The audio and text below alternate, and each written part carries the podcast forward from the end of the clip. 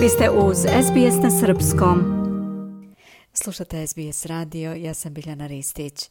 Sporazum Otvoreni Balkan, koji je nasledio projekat Mini Schengena, koji uključuje Srbiju, Albaniju i Severnu Makedoniju, i čiji je cilj međusobno unapređenje slobode kretanja roba, usluga i ljudi, izaziva različite reakcije, ocene i tumačenja, dokle se došlo sa njegovom realizacijom i šta o njemu govore osnivači, šta stručnjaci i kako se na ovu inicijativu gleda u ostalim zemljama regiona, ali i u Briselu.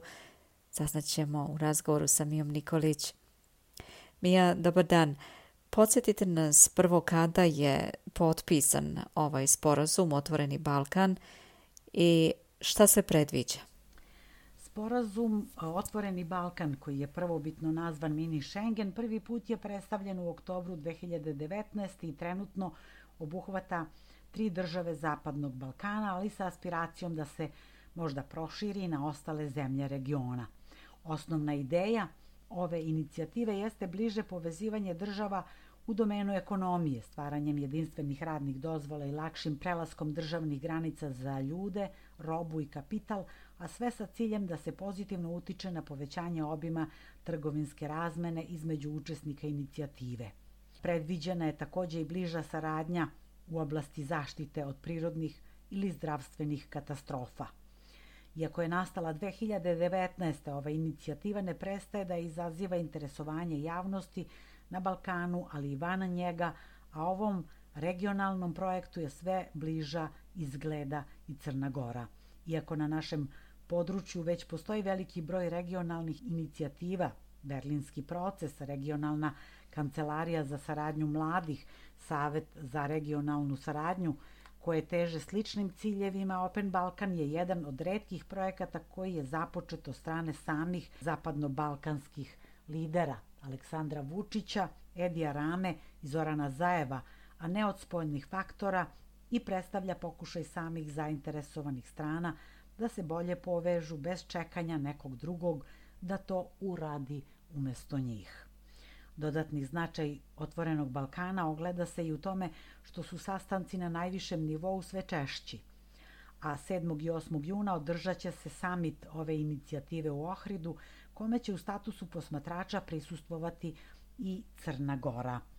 I dok jedni povlače svojevrsnu paralelu između Open Balkana i Evropske unije uz ocenu da ova inicijativa može doprineti većoj stabilnosti i bezbednosti Zapadnog Balkana, drugi u ovom regionalnom projektu vide jednu vrstu kritike načina ophođenja Evropske unije i njenih članica prema našem regionu i prema politici proširenja. Međutim, Mija, koliko sam razumela, sporazum Otvoreni Balkan ne znači da su zemlje koje su potpisnice odbacile Evropsku uniju kao opciju. Iako su lideri tri države rešili da se ekonomski povežu ne čekajući Evropu, njihovi timovi poručuju da oni svakako nisu odbacili perspektivu članstva u Uniji, što se i u samoj deklaraciji ove inicijative jasno navodi, pa čak i očekuju neke dodatne pogodnosti od zvaničnog Brisela, poput uključivanja u poredske i trgovinske politike Evropske unije,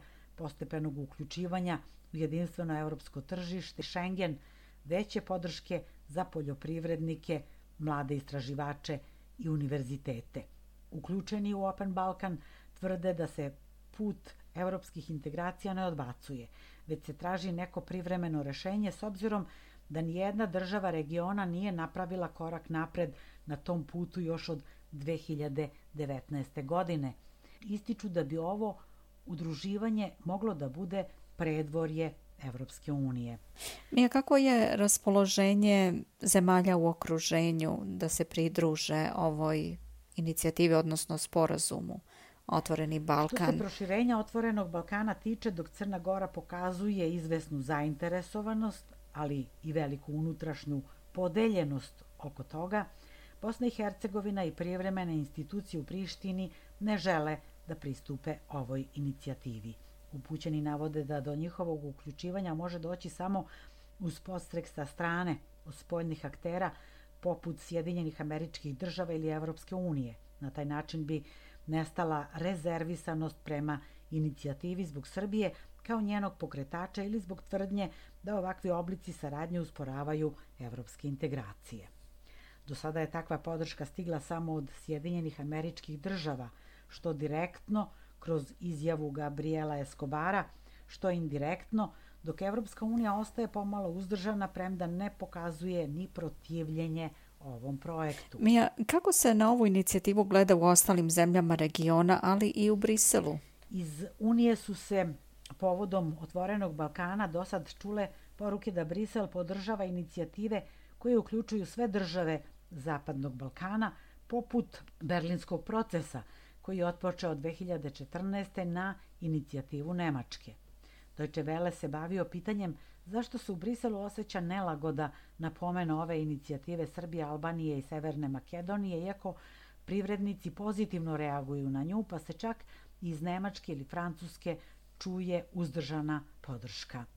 Pišući o Open Balkanu, švajcarski list Neue Zirher Zeitung navodi da je vredno pažnje to što saradnju forsiraju Vučić i Rama, iako su odnosi Srba i Albanaca tradicionalno teški, no da ovaj projekat budi mnogo podozrenja u regionu, ali i nelagode u Briselu. List beleži da ulogu u tome ima srpska veoma samouverena regionalna politika u poslednje vreme. Tokom pandemije Beograd je donirao vakcine Bosni i Hercegovini i Severnoj Makedoniji koje su još čekale prve isporuke iz programa COVAX, a poruka je bila jasna.